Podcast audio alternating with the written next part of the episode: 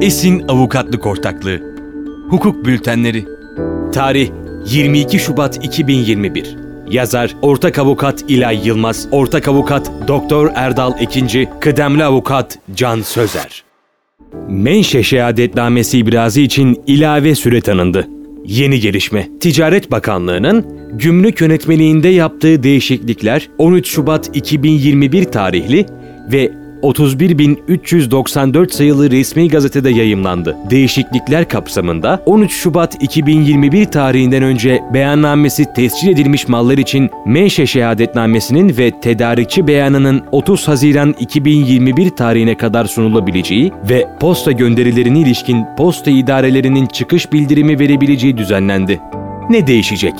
Yönetmeliğin eşyanın menşeini tespit eden belgelerin sonradan ibrazına ilişkin geçiş hükümleri başlıklı geçici 16. maddesinde yapılan değişiklikle 13 Şubat 2021'den önce beyannamesi tescil edilmiş olan ve beyanname ekinde menşe şehadetnamesi ve tedarikçi beyanı bulunmadığı halde menşe esaslı ticaret politikası önlemi, ilave gümrük vergisi veya ek mali yükümlülük gibi diğer mali yükümlülüklerin ödenmediği, eksik ödendiği veya beyan edilmediği tespit edilen eşya için geriye dönük olarak eşyanın menşeini tevsik eden uygun bir menşe şehadetnamesinin veya tedarikçi beyanının 30 Haziran 2021 tarihine kadar gümrük idaresine ibrazı mümkün olacak. İlaveten, dolaylı temsilci sıfatıyla posta idaresi tarafından elektronik beyanı yapılan posta gönderileri için çıkış bildirimlerinin taşıyıcıdan bilgi alınmak suretiyle posta idaresince verilebileceği düzenlendi.